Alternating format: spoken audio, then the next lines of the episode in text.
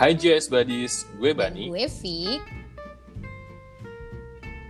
Balik lagi bareng kita di Podjas. Jadi PodJS ini adalah tempat buat ngobrol santai tentang teknologi dan analisis geospatial bareng JS profesional yang berkarir di berbagai sektor.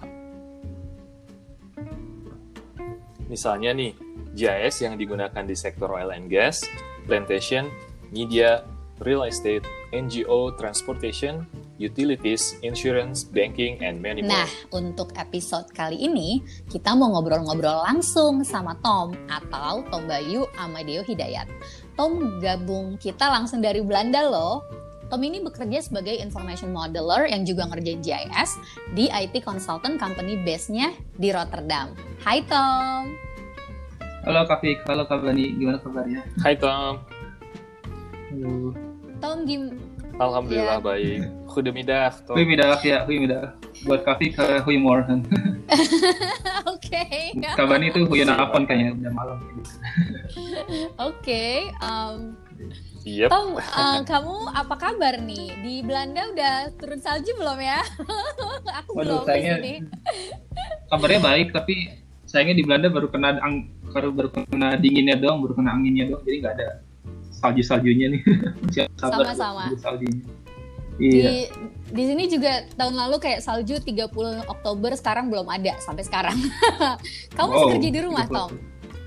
Iya, aku masih kerja di rumah. Jadi aku sebenarnya kan kebetulan baru mulai kerja tuh November tahun lalu ya.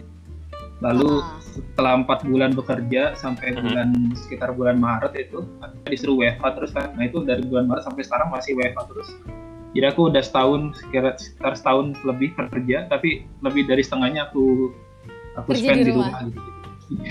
Kerja dari rumah. Ya. unik lah pengalamannya. Iya. Yep, yep. Alright, eh, oke. Bisa diceritain nggak Tom background studinya Tom dan gimana bisa dapat kerjaan di Belanda? Oke, boleh boleh. Jadi halo semuanya, perkenalin nama saya Tom Bayu Amadeo Hidayat. Jadi saya dipanggil Tom aja. Eh, kebetulan dulu S1-nya saya punya background di geodesi dan geometrika dari ITB. Nah, jadi emang dari waktu zaman S1 itu udah Mhm. eh, udah baik terpapar sama hal-hal berbau dengan GIS gitu lah. Kayak gitu. Dan kebetulan waktu S1 dulu juga pernah magang di salah satu perusahaan penyedia software GIS di, di Indonesia gitu. Makanya waktu itu ketemu sama Kak sama Kak Bani juga kan. Oh, oke. Ya itu Oke, I pertama kali that. Oke. itu pertama kali terpapar dengan perusahaan GIS tuh waktu, waktu di S1. Lalu kebetulan setelah setelah lulus S1 aku masih di kampus tuh untuk untuk eh, untuk eh, jadi asisten riset sama dosen pembimbing TA aku dulu. Nah dari situ aku juga sambil eh, Oke. untuk eh, cari-cari beasiswa dan kebetulan dapat beasiswa di di Belanda di Wageningen University waktu. Dan di Wageningen aku masih ngambil spesialis tentang eh, geoinformation. Jadi yang masih sangat berhubungan dengan GIS lah. Karena aku eh, setelah setelah beberapa tahun eh, kenal dengan GIS eh, rasanya itu udah cocok dengan passionku. Nah, Terus itu ya gitu deh. Akhirnya aku ke Belanda kan untuk studiku dan dari studiku itu aku dapat program program magang gitu di di Belanda dan akhirnya eh, terdamparlah di, di negara ini. Um, itu kamu berarti kerja yang sekarang di perusahaan yang dulu kamu magang atau bukan? Iya betul. Jadi aku dulu salah satu program dari studiku kan dulu ada baik. ada program magang di semester akhirnya. Mhm.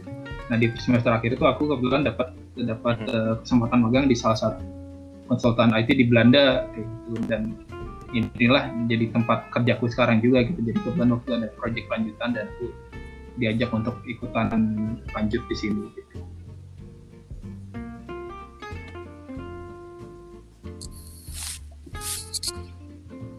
Oke, good. That that's a good opportunity. Oke. though. Um, Oke, aku aku penasaran nih Tom. Uh, perusahaan tempat Tom, Tom kerja sekarang itu kan masuknya IT company ya. Tapi kan Tom juga ngerjain GIS gitu. Boleh diceritain nggak sih Tom kayak seberapa besar misalnya divisi GIS atau geospatial? Misalnya orang-orang yang emang ngerjainnya lebih ke geospatial gitu. Terus um, ini tuh kalau misalnya Tom nyediain solusi nih baik itu solusi GIS atau geospatial in general itu untuk serve industri apa ya?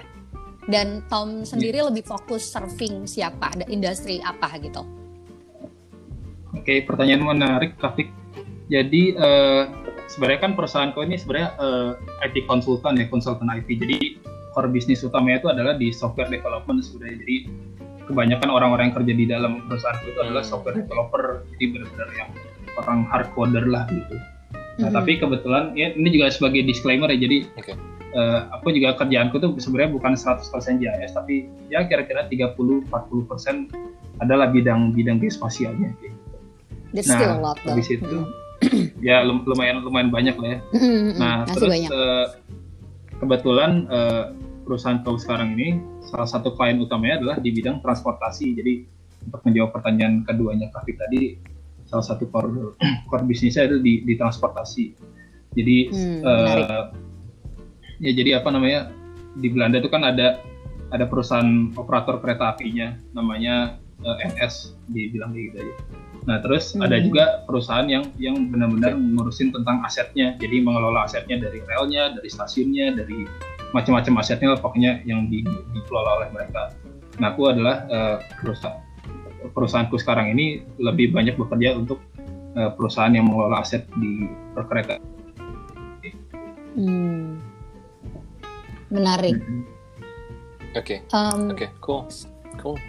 Um, tadi kan sempat di uh, sempat Tom sempat mention kalau title-nya itu uh, adalah information modeler yeah. ya. Uh, boleh diceritain nggak day to day activity-nya uh, related to uh, transportation industry hmm. tadi uh, dan juga project-projectnya in detail. Gitu boleh diceritain lagi nggak? Mungkin sedikit ya boleh. uh, jadi sebenarnya kan tadi udah dimention juga karena salah satu klien terbesar dari perusahaan ini adalah si pengelola aset perkeretaapian di Belanda ini. Nah jadi uh, banyak banget project-project yang yang yang perusahaanku ini involved di, di project itu. Nah, salah, bisa beberapa contohnya itu ada mereka tuh bikin software untuk uh, monitoring monitoring uh, trafficnya trafficnya perkeretaapian di Belanda gitu salah satunya. Terus ada juga untuk bikin uh, apa manajemen okay. rail maintenance di Belanda kayak gitu. Itu salah satu contohnya. Terus ada juga mereka bikin salah satu uh, software untuk untuk bikin uh, apa ya, software simulasi untuk masinis untuk training masinis gitu. Jadi uh, perusahaan hmm. ini tuh punya data 3D tentang aset-aset mereka dari relnya, dari dari stasiunnya kayak gitu kan. Nah perusahaan ini tuh pengen pakai data 3D-nya itu untuk uh, nge-trading si masinis-masinis yang akan mengendalikan keretanya gitu. Jadi ya kayak kalau saya apa di pilot itu kan biasanya kan ada ada semacam software untuk trainingnya gitu kan untuk simulasi. Nah itu mereka perusahaanku ini bikin semacam software tapi untuk uh, untuk kereta gitu dan di situ banyak data-data 3D tentang tentang bumi juga sangat berhubungan dengan data spasial atau GIS kayak gitu itu salah satunya jadi banyak data-data tentang uh, building information management atau juga simulasi uh, simulasi okay. simulasi permukaan bumi kayak gitu gitu yang bisa di, di ditampilkan di di di softwarenya kayak gitu itu salah satunya nah terus ada juga salah satu project yang okay. Uh, aku benar-benar kebetulan involved di project itu. Nah project ini tuh uh, ditujukan untuk aset manajemen sebenarnya. Jadi ada si perusahaan ini kan punya beberapa banyak banget aset ya. Ada aset rel lah ada aset stasiunnya kayak gitu. Nah mereka tuh pengen monitoring aset-aset aset-aset mereka yang nah yang banyak itu gitu. Jadi mereka pengen digitalisasi aset-aset itu untuk di, dipantau secara terus menerus dan bisa di derive datanya dari situ. Iya. Wah ini menarik menarik oh, banget sih cool. um, apa namanya ngomongin aset ya. Tapi Tom aku penasaran dan nyambung ke pertanyaan Bani sebelum kita masuk ke pertanyaan working environment ya. Ini kalau misalnya tadi kan Tom involve-nya lebih banyak di yang aset management ya rel um, station buat monitoring aset. Um, ada lagi nggak um, project lain selain sama perusahaan? Mungkin aku bisa cerita lebih hmm. detail hmm. tentang project tentang aset manajemen ini. Jadi ya. intinya adalah si perusahaan ini tuh mereka kan punya banyak banyak banyak aset ya, salah satunya rel atau macam-macam lah gitu. Nah mereka hmm. tuh naruh naruh sensor di di setiap asetnya. Jadi misalnya di rel di rel tuh dikasih sensor temperatur gitu untuk mengukur temperaturnya berapa atau untuk ngatur seberapa sih uh, kekuatan si relnya ini sejauh ini kayak gimana apakah dia apakah dia udah worn out atau belum apakah dia bakal rusak atau belum kayak gitu jadi mereka intinya adalah uh, naruh-naruh berbagai macam hmm. sensor yang, di, yang populer disebut sebagai IoT device uh, Internet of Things device nah nah salah yeah. satu uh, untuk di fase awal ini jadi proyeknya itu baru berjalan beberapa ya baru setahun atau dua tahun apa ya nah salah satu aset yang pertama mereka report adalah switches mereka uh, kabar ini kak Fik tahu nggak tentang uh, Wesel? Wesel. Wesel di kereta api. Hmm. pernah dengar nggak ya? pernah dengar tapi nggak gitu familiar. Uh, ya ya whistle jadi bahasa Belanda itu sebenarnya disebutnya whistle whistle kalau bahasa bahasa Indonesia disebutnya whistle jadi mirip-mirip nah whistle itu adalah uh, bagian dari rel yang yang bisa belok-belok. Jadi kalau saya keretanya mau oh, mau ganti rel, mau belok mau ke rel si si bagian itu tuh ngegeser gitu. oh, gitu. Jadi si relnya tuh bisa ngarahin si keretanya untuk untuk eh, yeah, ke yeah. rel yang satunya kayak gitu. Kebayang lah kira-kira si whistle ini. Mm-hmm. Kayak gitu. Nah, mm-hmm. yeah, yeah, nah hal-hal kayak gitu sama si perusahaan ini tuh mereka mereka pasangin sensor. Jadi kita bisa tahu nih di di asetnya tuh bisa tahu apa aja sih uh, sensor mana aja sih yang uh, whistle mana aja sih yang udah yang sedang bergerak ke kanan misalnya atau sedang hmm. bergerak ke kiri atau seberapa sih penggunaan listriknya dari setiap vesselnya itu atau mungkin juga kadang-kadang terutama pas winter gini uh, kan dingin nih kadang-kadang si vesselnya tuh bisa beku gitu hmm. nah kalau saya beku sedangkan si relnya harus belok kan itu bisa bahaya banget kan untuk mereka mereka makanya mereka uh, naruh juga sensor uh, sensor temperatur untuk memonitoring temperatur mereka di di di asetnya kayak gitu. Jadi mungkin uh, apa ya uh, asetnya terdengar remeh gitu, terdengar kecil tapi kalau misalnya di di di, di koordinir dan diatur sedemikian rupa dan kita bisa ambil sebanyak mungkin data dari dari setiap aset itu bisa juga dapat macam-macam insight yang yang yang bisa sangat berguna gitu. Hmm. Kalau menurut aku sih ini big deal, big deal banget ya Tom. Maksudnya nggak hmm. nggak nggak remeh-temeh sama sekali ini tuh big deal banget dan aku penasaran deh tadi kan kamu sempat mention sensor temperatur ya um, terutama untuk winter gitu. Um, itu bisa dingin banget.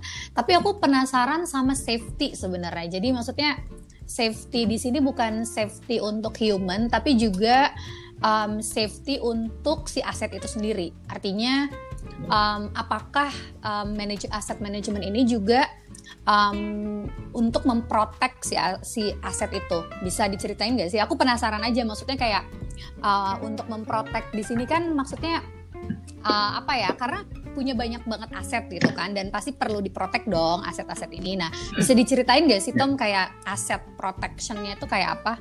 Aku penasaran. Ya. Itu uh, makasih Kafik pertanyaannya ini juga bakal nyambung ke JS jadi cukup menarik.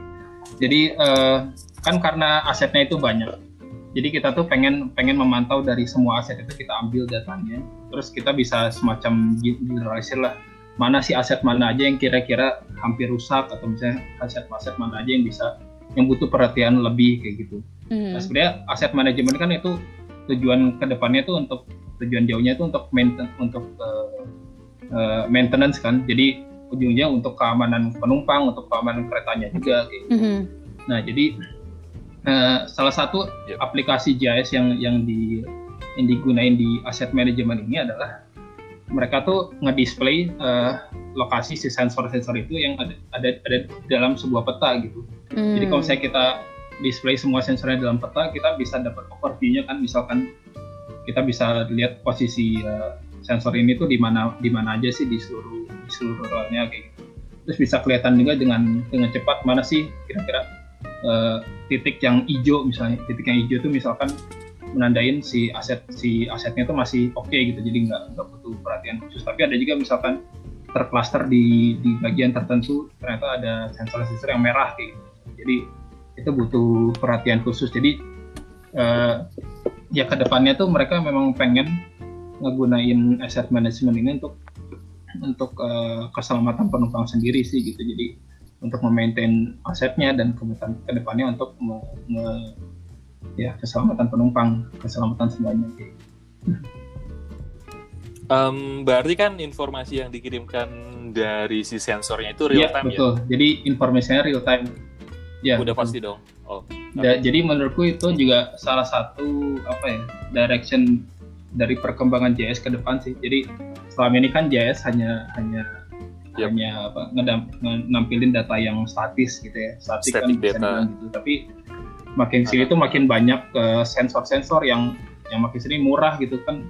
Orang-orang banyak yang misalkan tinggal buka Tokopedia terus bikin apa beli aja si sensor Raspberry Pi yang harganya cuma 400 ribu gitu kan nah itu udah bisa dijadiin dipasangin GPS sudah dipasang bisa Mhm. dipasangin eh, apa, data gitu kan untuk nge- ngirimin data setiap beberapa menit gitu. Nah sensor-sensor kayak gitu tuh udah makin makin eh, makin umum sekarang dan makin banyak juga aspek lokasinya karena kemungkinan besar dari sensor-sensor kayak gitu tuh banyak ada ada GPS-nya gitu dan GPS kan ada, koordinatnya kan dan itu berhubungan dengan Yep. lokasi gitu. Jadi menurutku sih ke depannya pasti eh, perkembangan JS tuh bakal banyak juga yang mengarah ke data-data real time sih. Jadi nggak cuma data statis tapi eh, ya data-data yang continuously updated gitu. Hmm.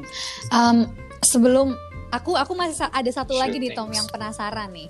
Uh, kan Yeah. kan ini terkait apa yang Tom ceritain ya. Kan tadi perusahaan kereta apinya ini perusahaan kereta api besar lah ya kayak major yang maksudnya aku ngebayanginnya ini kayak PT KAI-nya kalau di Indonesia mungkin ya.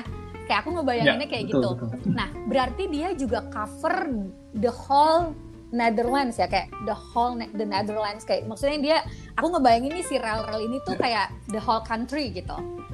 Um, Ya. Ini gede banget berarti ya kayak aku maksudnya ya nggak maksudnya nggak segede nggak nggak ngebandingin ke US cuman gede gitu kan artinya si perusahaan ini tuh nge-serve the whole country dan aku ngebayangin datanya banyak banget sih.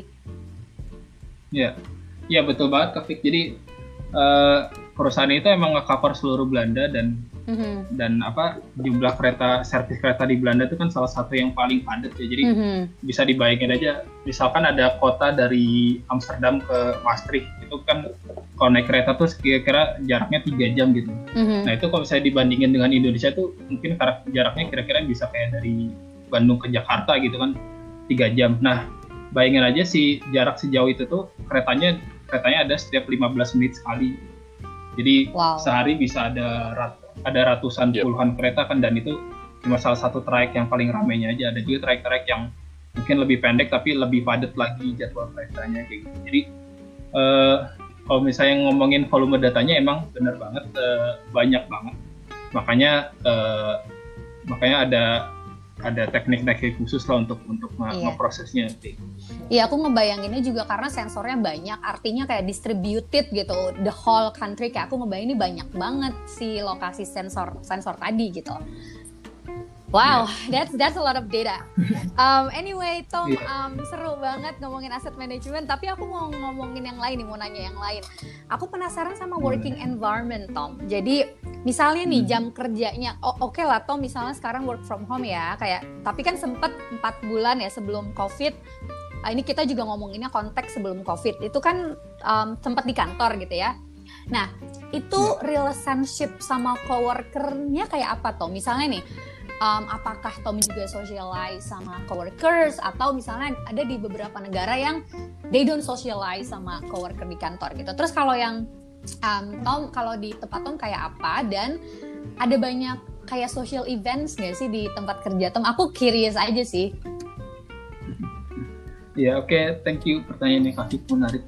Jadi eh, kebetulan kan aku mulai di mulai kerja di perusahaan ini tuh nggak langsung kerja kan. Jadi untuk aku sebelum kerja full time di perusahaan itu aku sebelumnya internship dulu di sini magang selama empat bulan. Nah dari magang selama empat bulan itu yang magang di situ tuh nggak cuma aku, jadi ada beberapa student lah dari dari dari universitas lain yang yang ikutan magang di situ.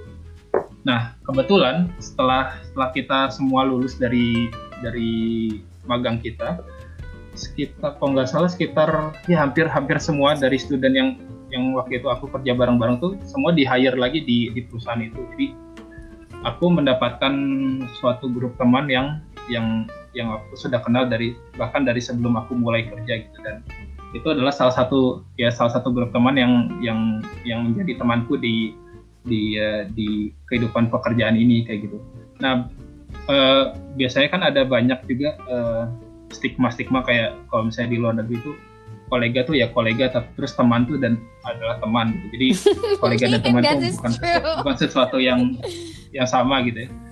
Uh, itu kalau menurutku itu bisa iya bisa enggak. Tergantung uh, negaranya sih. Karena uh, tergantung negaranya, tergantung negaranya dan dan memang iya betul dan memang ada ada juga sih beberapa kolega yang aku cuma memang cuma ngobrol kalau misalnya soal kerjaan doang. Jadi kalau saya lihat chat WA atau chat Teams itu tuh benar-benar isinya cuma ya cuma soal kerjaan lah kayak gitu. Tapi ada juga teman-teman yang aku ngobrol di di luar di luar kerjaan gitu tentang kehidupan kesehariannya lah dan dan macam-macam hal kayak gitu. Dan dan bahkan aku juga pernah waktu itu sempat di diundang ke rumah salah satu bosku gitu untuk uh, untuk ya benar untuk main aja untuk makan untuk ngobrol untuk makan mak untuk memperkenalkan makanan Indonesia lah. Kita masak soto bareng gitu misalnya.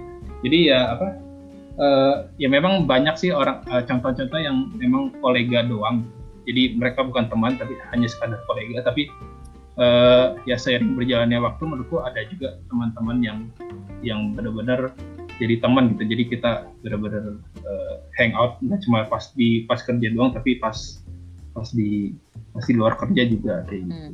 Kalau social event yang diadain tempat kerja ada juga Tom? Oke. Okay.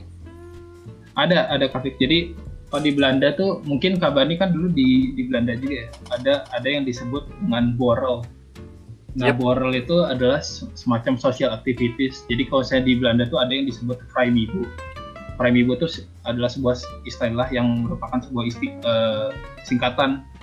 Singkatan itu dari Vrijdag Middag Borrel. Yang artinya adalah uh, borrel di di di Friday afternoon gitu. Hmm. Nah itu tuh sebuah tradisi di perusahaan Belanda yang yang uh-huh. yang kayaknya hampir di semua perusahaan ada deh. Jadi itu adalah sebelum sebelum weekend yaitu pas sore-sore hari hari Jumat itu mereka mereka kumpul semua untuk untuk berdiri untuk uh, untuk kumpul-kumpulnya di di di pantry-nya gitu. Dan biasanya tuh ada ada makanan-makanan kecil lah, ada minuman-minuman gitu. Kita benar-benar intensinya tuh untuk ngobrol hmm. hal-hal ngalor ngidul aja gitu. Dan itu aku aku observasi nggak cuma di perusahaan food doang tapi hampir di semua semua perusahaan di Belanda tuh ada tradisi kayak gitu gitu jadi makanya si istilah si Vrijmibo itu yang merupakan singkatan itu jadi jadi populer kan dan jadi jadi apa jadi uh, ya benar-benar jadi kultur di di Belanda lah jadi ya kalau misalnya ditanyain tentang uh, tentang social life ada banget salah satu bentuknya si si boro-boro. Great, Bu. Jadi seru banget ya, seru-seru. Oke, okay. Great. Iya. Yeah. Alright. Um, ya masih nyambung nih, uh, Tom, uh, sama pertanyaan yang tadi. Berarti teman-teman kerja Tom itu lebih banyak dari uh, Belanda kah atau malah kebanyakan international employees? Terus uh, kalau klien-kliennya sendiri tuh, uh, tadi kan sempat dimention kebanyakan majority kan uh, ngerjain proyek-proyeknya NS ya. Tapi apakah ngerjain uh, international projects juga kah? Uh, ya jadi uh, sebenarnya perusahaanku ini kan uh, perusahaan bukan perusahaan Belanda sih sebenarnya jadi perusahaan internal multinasional dan salah satu cabang itu ada di Belanda gitu. Nah tapi karena kebetulan perusahaanku ini banyak uh-huh. kliennya hampir semua Belanda, jadi uh, semua ya bahasa sehari-hari di di kantor tuh benar-benar bahasa Belanda sih sebenarnya gitu. Jadi aku sebagai orang yang masih masih belajar oh, bahasa okay. Belanda sebenarnya masih kadang-kadang ngalamin kesulitan juga sih karena kadang-kadang kalau misalnya orang lagi ngobrol bahasa ngomong bahasa Belanda terus aku nimbrung gitu kan terus mereka harus mereka semua harus adjust untuk ngomong bahasa Inggris hanya demi aku yang yang kadang-kadang nggak yang yang kadang-kadang nggak banyak ngomong juga gitu. Jadi kadang-kadang suka nggak enak. Gitu. tapi uh, ya tapi ada banyak juga uh, expert-expert yang kerja di sini. Banyaknya dari India gitu banyaknya dari ada beberapa orang dari Indonesia juga aku baru nemu beberapa hmm. bulan yang lalu terus ada juga banyak dari dari Jerman dari Italia gitu, -gitu okay. juga banyak tapi kalau saya ngomongin soal bahasa sih benar-benar yang dominan benar-benar Belanda ya tapi untuk bahasa Inggris mereka gampang lah untuk switchnya kayak gitu nah terus uh, ngomongin klien Oke, okay. berarti majority si coworkersnya itu lebih banyak ya, Dutch betul. ya? banyaknya Dutch. Gitu. Terus uh, tadi kamu juga nanya tentang apa klien. Tadi uh, sempat aku mention juga kan jadi kliennya banyak hmm. banyaknya dari Belanda semua. Gitu. Tapi uh, karena kebetulan aku memang kerja di divisi yang kliennya yang berhubungan dengan uh, transportasi. Mm -hmm. Jadi klien di divisi itu emang banyak uh, banyak dari perusahaan transportasi gitu. Tapi ada juga uh, divisi-divisi lain kayak retail, mereka banyak kerja kerjasama dengan uh, banyak kliennya itu banyak dari perusahaan-perusahaan retail gitu, dari pabrik-pabrik gitu. Jadi ya nggak nggak terbatas di transportasi, tapi banyak banget gitu. Ada juga yang di banking, ada juga yang di aviation. Jadi emang apa ya perusahaanku ini memang konsultan IT yang general dan ya kliennya banyak banget dari macam-macam dari macam-macam bidang macam-macam industri tapi masih uh, lokal clients ya masih ya, di dalam betul, Belanda betul. aja. Tapi soalnya kalau misalnya di luar Belanda ada ada juga di Oh, Oke. uh, cabang yang Jerman gitu ada juga cabang di Malaysia juga ada Tapi se Cabang yang lain se- ya. sebenarnya Oke. kalau kita dari tadi it, ngobrolin it. masalah asset management ya, yang transportation itu memang menurutku very close with geospatial gitu karena to- we are talking about location kan. Jadi maksudnya make sense sih kalau Tom akhirnya banyak di eh, maksudnya banyak di assign buat ngerjain project yang ke transportation karena juga itu lebih aligned sama expertise-nya Tom. Kalau menurut aku ya, kalau kalau aku ngelihat dari apa yang kita Ya. bahas di sini. Seru seru seru seru. iya seru. iya iya betul Um, iya betul seru banget sih, um, seru banget ngobrol-ngobrolnya nih. Um, tadi tadi juga dari pertanyaan Bani berarti um, kita bisa nyimpulin bahwa sebenarnya bahasa juga jadi challenge ya, jadi challenge sendiri gitu. Oke, Iya. Um, semoga makin baik ya Tom bahasa Belandanya. Iya, ya aku juga sekarang les, jadi lesnya online juga, jadi ya, eh, Nice, ya nice, membantu nice. mudah-mudahan mak- makin Nice. bisa. Um, seru banget nih uh, Tom ngobrol-ngobrolnya um, uh, ve- very interesting. Tapi kayaknya kita harus udahan um, dulu nih. Um, terima kasih banyak Tom udah share ke GIS Buddies. Um, sebelum kita tutup Tom mau ada yang disampaikan nggak? Maksudnya uh, peng- sesuatu yang pengen Tom sampaikan tapi nggak nggak ke cover sama pertanyaan kita. Iya, boleh sih. Oh, boleh, ahead. aku sebenarnya pengen cerita tentang tentang salah satu side projectku. Jadi eh, aku kan eh, di S2 itu waktu dulu banyak nga- ngambil ngambil course tentang programming kan. Jadi aku belajar Python, belajar R. gitu. Nah di situ aku gara-gara Mhm. terpapar dengan itu, aku jadi jadi jadi aware sama yang namanya data dan kebetulan dapat kerjaan juga yang yang baik info tentang data kan. Tapi ya itu kerjaan gitu. Tapi aku juga punya semacam side project untuk eh, untuk ngulik-ngulik data gitu. Nah salah satunya adalah waktu itu aku iseng untuk eh, ngulik nama-nama data nama-nama tempat di, di di Jakarta gitu. Jadi mungkin aku kan dulu sempat magang di Jakarta juga ya, dan kebetulan sebagai anak Bandung yang baru datang di Jakarta kadang-kadang curious juga ada wah ada pasar Minggu nih. Ada nggak sih pasar Selasa? Ada nggak sih pasar Rabu? Ada nggak sih pasar Kamis Oke. gitu? Oke, curious gitu aku. Jadi that's that's dari pertanyaan-pertanyaan itu Oke. ya pertanyaan-pertanyaan curiosity gitu Pasar Rebo ada. Pasar Rebo sih ada sih. Eh pasar Senin juga ya ada. betul. Iya pasar Senen juga. Nah itu Senin itu menarik kan. Jadi aku mikir ah itu kan sebenarnya kan nama tempat ya dan nama tempat itu kan tempat dan lokasi gitu. Jadi itu sebenarnya berhubungan dengan juga dengan GIS kan dan Hmm. berhubungan berhubungan dengan dengan, dengan uh, spasial data kan gitu. Jadi waktu itu aku iseng-iseng nih uh, nyari uh, project itu uh, menganalisis nama-nama tempat di Jakarta. Ada nggak sih pasar seluruh hari di Jakarta tuh? Ada nggak sih pasar Senin sampai Minggu gitu? Nah ternyata pas aku telisik-telisik lagi tuh ternyata Jakarta tuh cuma punya lima hari jadi punya cuma Oke. punya, uh, pasar Senin Selasa nggak punya terus Rabu Kamis Jumat Sabtu nggak punya terus Minggu gitu jadi eh, hal-hal seperti seperti itu yang yang aku temukan gitu, gitu. Terus banget. pernah juga aku iseng juga kan dulu pernah makan nasi goreng tuh misalnya di di di dekat GI kan di ke- kebon siri gitu terus aku mikir gitu oh ada nggak sih kebun-kebun yang lainnya atau jangan cuma kebun siri doang atau kebun kacang gitu terus aku aku query lagi nih nama-nama tempat di Jakarta yang awalannya kebun terus ternyata ada banyak banget Ada. Jadi ada- banyak banget kebun. eh, Kebun banyak banget. eh, Iya banyak banget banyak. banget. pernah tahu nggak ada kebun bawang di Jakarta Iya, pernah dengar. terus ada kebun duren kebun manggis kebun kopi Wah, I kapu never tebu kayak gitu it. Tapi gue pernah Kebun dengar duren, uh, kebun kebun duren gua pala dengar. Kebun pala duren gua dengar. dekat-dekat Kebun situ iya. ada namanya. ya kayak gitu terus eh, aku lihat kan distribusi spasialnya gitu. Oh, jadi ternyata di Jakarta tuh emang emang uh, banyak banget nama-nama tempat yang awalnya kebun dan, dan terus aku coba iseng-iseng lagi kan aku telisik lagi uh, apa sih sejarah di baliknya gitu. Hmm. Ternyata emang dulunya tuh sebelum Jakarta seperti ini sekarang, Jakarta tuh banyak kebun-kebun di situ gitu. Jadi ada memang di, kalau misalnya ada daerah namanya kebun kacang di situ tuh emang dulunya ada hmm. ada kebun kacang di situ gitu. Nice. Emang literally ya, dulunya kebun jadi, kacang. Ya? Kayak gitu. Ini, jadi Oke oke. Oke, dan semua itu dilakukan secara automated ya, pakai okay, scripting, uh, Python scripting. Dan kalau boleh tahu itu inputnya inputnya Google Search atau nah, Wikipedia inputnya itu ada apa ya? uh, database berupa nama-nama tempat di seluruh dunia. Dan salah satu yang aku ya? aku pakai itu namanya GeoNames. Oh, GeoNames. Okay. Nah, GeoNames itu jadi dia ya dia ah, nyadur dari macam-macam sumber sih. Kalau di Indonesia sendiri mereka nyadur dari BIG juga dari OpenStreetMap dari macam-macam.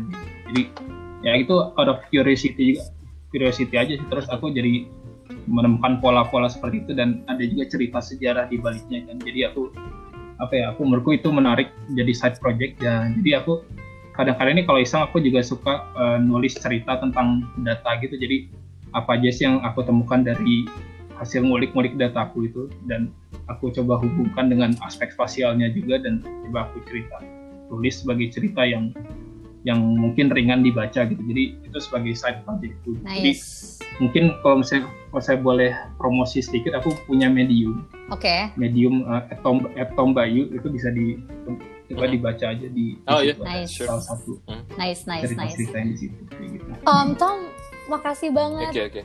oh. oke okay, oke okay. Mungkin uh, di sini juga ada untuk untuk JS Buddies yang mau nanya-nanya lebih lanjut, mungkin bisa uh, ping Tom di di medium tadi atau uh, yeah. ke sosial medianya. Mungkin kalau ada Instagram atau Twitter mungkin bisa yeah, langsung betul. Great. mampir aja ke mediumnya. Great, great, great. Um, Tom, makasih banget nih udah okay, sure. banyak share ke kita, ke aku sama Mbak Ani dan juga ke JS Buddies. Sama-sama. Ya, thank, you, well, thank you, well. Makasih banget ya, Tom. Uh, tapi sebelum sebelum kita tutup, aku punya quiz nih buat nge-refresh pengetahuan JS oh, okay. kita semua. Pertanyaannya adalah, manakah di antara yeah, fitur di bawah ini yang lebih tepat direpresentasikan dengan menggunakan data raster? A. Sungai B. Curah hujan. Curah hujan gak sih? Yes. Pretty easy, right? right. Iya, soalnya iya, soalnya curah hujan kan kayak data yang continuous uh -uh. gitu. Jadi kalau saya di representasikan dalam bentuk vektor terlalu yep, rumit yep. gitu. Yep, yep, yep. Yep. Oke. Okay. Menarik. Alright. Alright. Um, yep. Sekian dulu ya Jazz Buddies ngobrol-ngobrol kita di episode kali ini. Bye, Stay tuned for the next episode. Bye-bye. Bye-bye. Thank you. Tot ziens. Tot ziens.